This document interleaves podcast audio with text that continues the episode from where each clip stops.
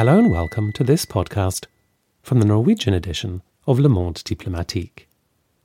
My name is George Miller, and my guest in this programme is Renaud Lambert, who's deputy editor of the paper. This month, Renaud has written an in depth article on democracy in South America, entitled Icarus in Latin America. This year, there are elections in several Latin American countries. Peru and Chile will vote for president, and Mexico and Argentina will hold parliamentary elections.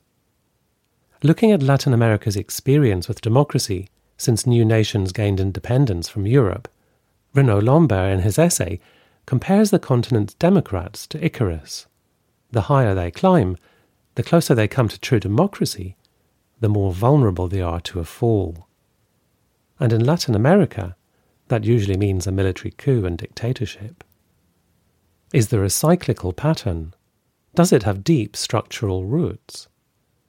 France's former ambassador to Brazil, Alain Rouquié, clearly thought the cycle had been broken when he wrote in 2010 After decades of instability and dictatorship, democracy seems to have taken root everywhere. We know now that was over optimistic. The so called pink wave of progressive governments that inspired his optimism did not last. The roots that Latin American democracy had put down turned out to be shallow. In our conversation, we explored the reasons for this. But when I spoke to Renaud recently, I started by asking him about the conditions which had enabled the pink wave to build in the first place. It was um, a very extraordinary period of improvement in people's living conditions, in work conditions, in the capacity for the region to coalesce and uh, oppose a united front to, you know, the um, very cumbersome neighbor, the United States. That happened in between uh, the late 1990s and uh, in some countries is still going on, but more or less 2010s. And I said it was a very particular set of conditions. The first was that the previous decade had been characterized by, by a very, very hard uh, neoliberal offensive that made people react. I mean, poverty levels increased dramatically, inequality increased uh, in the same uh, in, with the same speed. So that was the first trend. People needed a change. You know, society didn't work for them.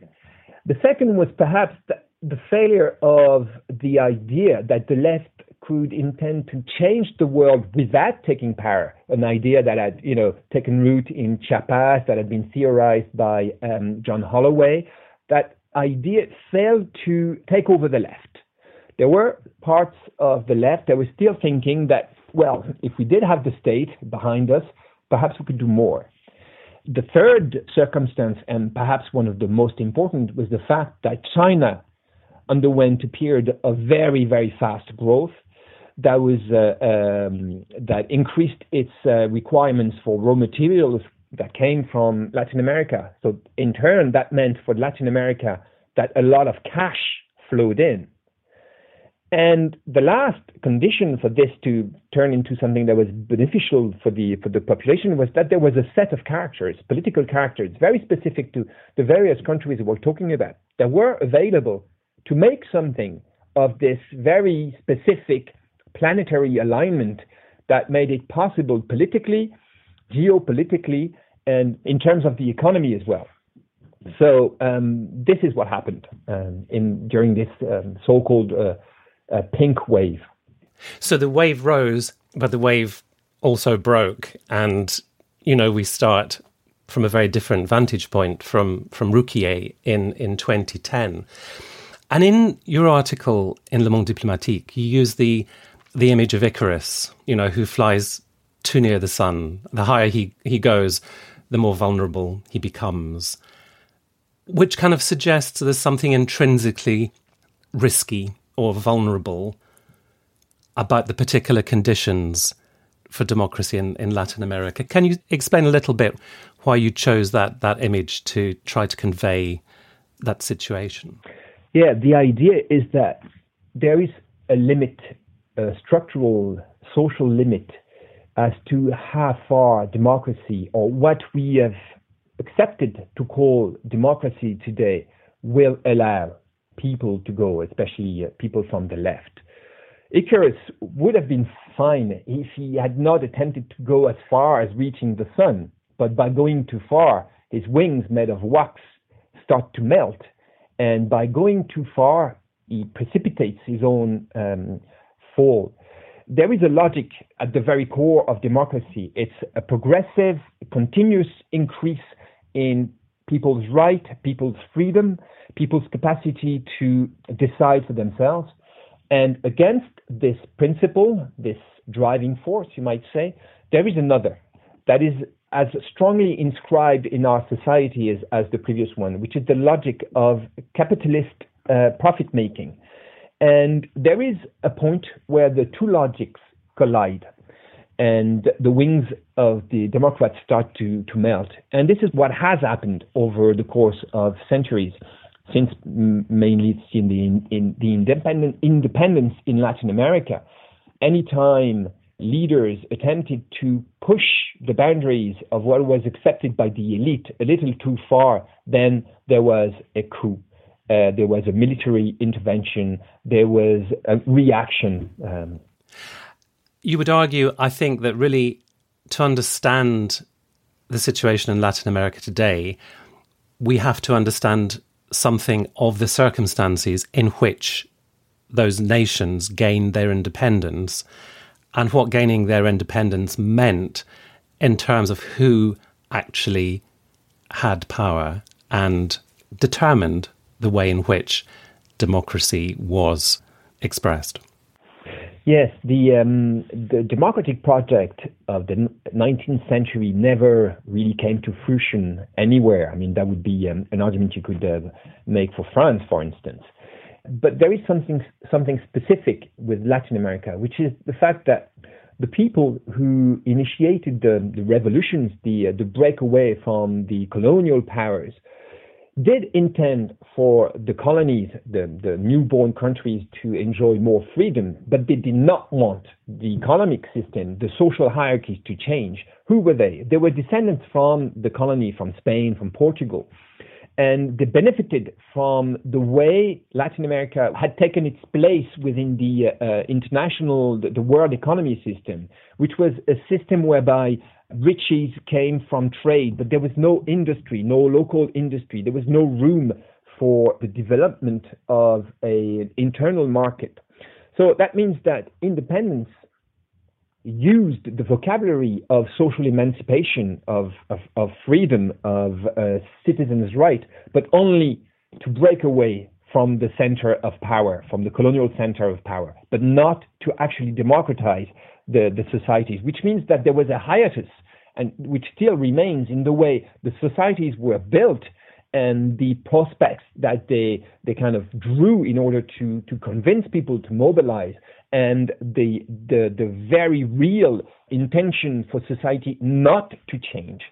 So this leads to what um, Fuentes, Carlos Fuentes, a Mexican writer, calls a feudal castle with a cardboard capitalist facade, which means that the, the root of the, the of feudalism remains in Latin America despite the capitalist revolution. And Fuentes was talking in 1963 when he made that um, comparison. I mean, he's dead now, but if he were alive today, do you think he would recognize his description as still applying to the continent? Well, Fuentes changed um, his um, his tack over the, the, the, course of the years. You know, he was um, a supporter of Fidel Castro, of revolution, of the the people's right to autonomy. But in his latter years, he changed completely. He was not the first person to change over the years, but the the, yeah. the, the latter Fuentes was, on the contrary, a good friend of the elite, the very people that the young Fuentes wanted to get rid of power. But let's imagine the young Fuentes was around today. If the young Fuentes was around today, he would probably he would probably come to the conclusion that yes, the very structure, the deep-rooted structure that uh, were at the core of the problems he identified when he wrote that were still around. You mentioned Fuentes trajectory, sort of political trajectory there. And an interesting idea that you mention in your article is this theory of the two demons. And I thought that was interesting because it, it, it sort of looks at what is posited as a twin danger, which is fascism and, and socialism, and how they are in, interrelated. So I wondered if you could say how that theory sort of plays out in, in Latin America. Yes, I guess this theory is um, a very clear illustration of the fact that it's always the winners write history, don't they? So what happened after the, the, the period of the dictatorship, the history of the of how they came to happen had to be written and one of the theories that came to um, the forefront, especially from the left, is the theory that you know two demons collided. The demon of socialist expectations, you know, wanted to shake society in something that it wasn't, and that demon woke another demon, which was the demon of military violence and military intervention. And the two demons were posited as being as bad one as the other. But one had the res- responsibility of having woken up the first one. So, you know, everybody was as uh, guilty, but one was more guilty than the other.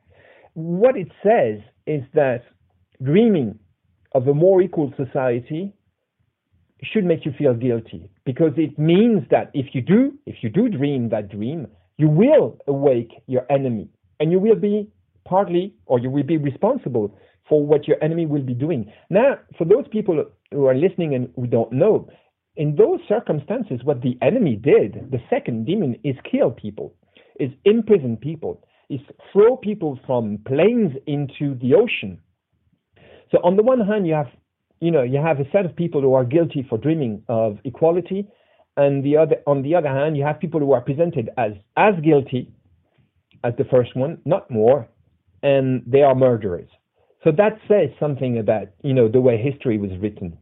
And in Chile, for instance, where the dictatorship overthrew Allende in 1973, only three years after Allende came to power, over there, the name of Allende we embodied the idea that you could um, work towards socialism through electoral processes. His figure has been abandoned by the left and was abandoned by the left until the students started to demonstrate uh, around 2010, which you know says a lot uh, about the capacity of conservatives to deprive the left from projects, dreams, and uh, utopias, hopes, you know, that we uh, we had before. Yes, because you you're sort of presenting a dangerous cycle, aren't you? A sort of model of a cycle where if progress goes too far, there will be a, a counter reaction from the right. And therefore, you the implication is that progress must be heavily circumscribed, limited, cautious, not do anything to upset the right and the military. And I said, it's a, it, it seems to me a dangerous mindset to get into. It's very common as early as last night um, in France, I mean, on on a di- very different topic, but similar there was a full page, a full page article of this French um, intellectual. She, she's a, a, university researcher, and she has just published a book about, you know, the nightmare that were a pro-Chinese con, um, uh, convictions, or, or, dreams in the 1960s. And you have a lot of people like that. You know, they're they're, they're socialists, they are militants in their young age, and then they they betray those dreams. Society provides them with a very comfortable place from which they can look back onto their former convictions and explain, no, but I was young. You should not do that. I did it for you. You know, trust in me. Don't go that way. And by so doing, they protect the interest of a society that is making them very comfortable. So there are plenty of those in Latin America. There are quite a lot in France as well. I'm sure the UK has its own. yes, yes. I mean, so you you end up with the the curious phenomenon of people in the left, I think it was Chile, wasn't it, where advisors on the left saying, well, you know, the colonel's economic policy did some good things. You know, there's some things about their, their sort of neoliberal economics that actually make sense. Uh, yeah, exactly. There's um, there was a, a, capacity for turncoats to present themselves as you know reasonable people, people who were capable of you know cherry picking you know good policies from the left and from the right.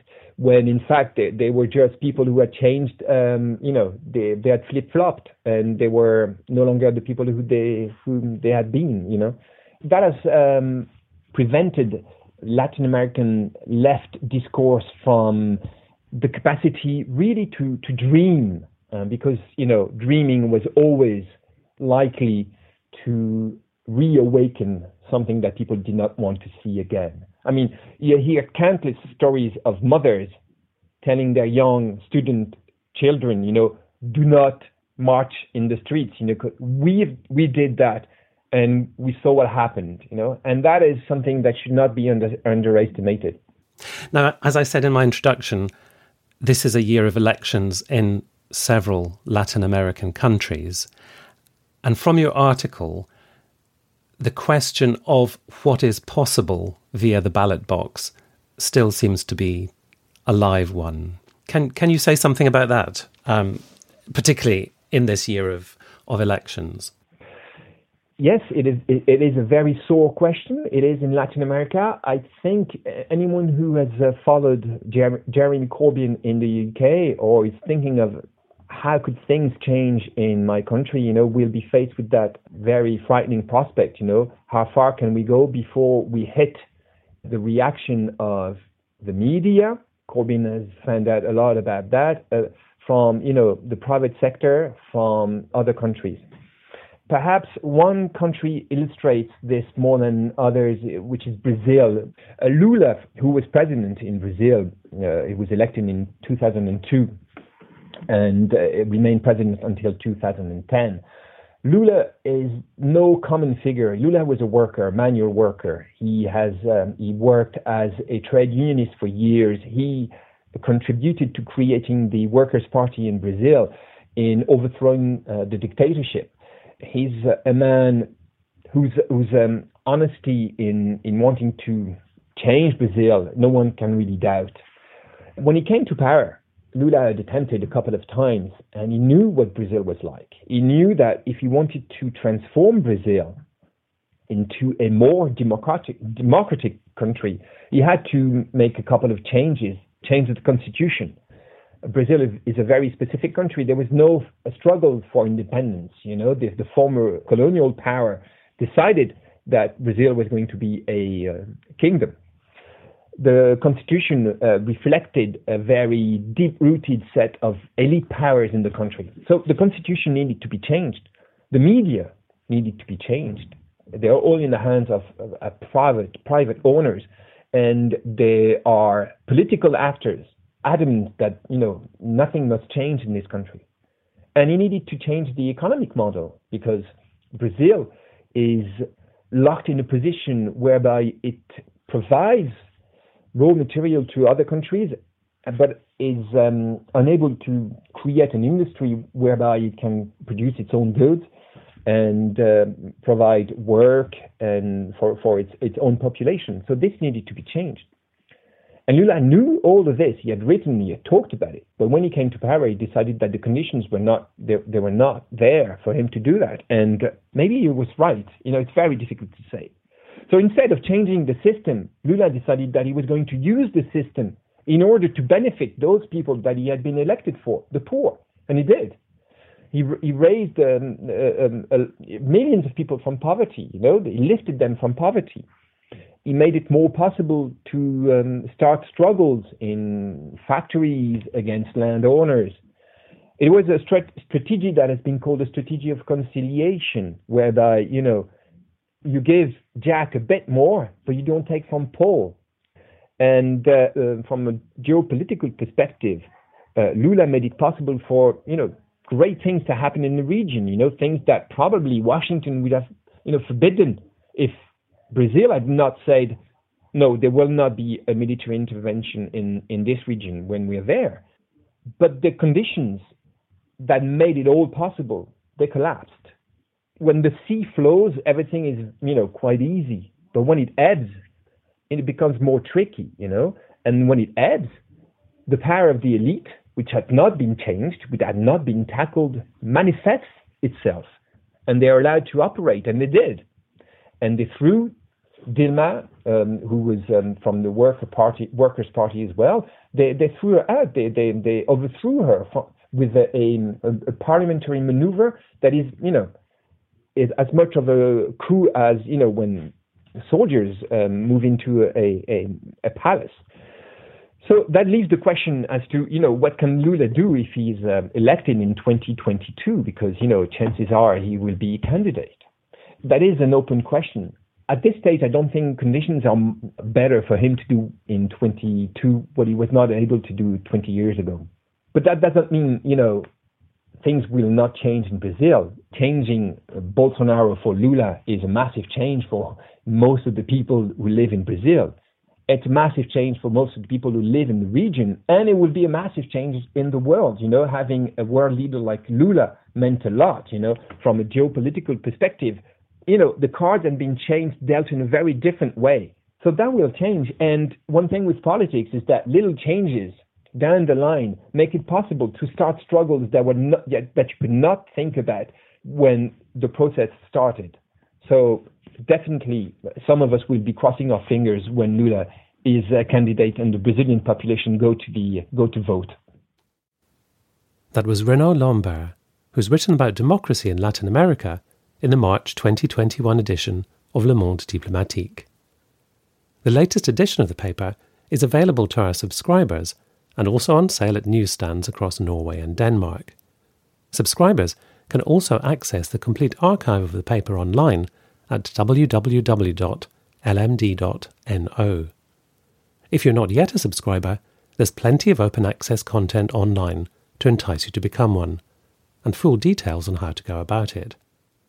In the words of John Berger, why read LMD? To make sense of what's happening in the world, behind the misinformation. I hope you'll join me again next month for another interview with one of our contributors. And until then, thank you very much for listening, and goodbye.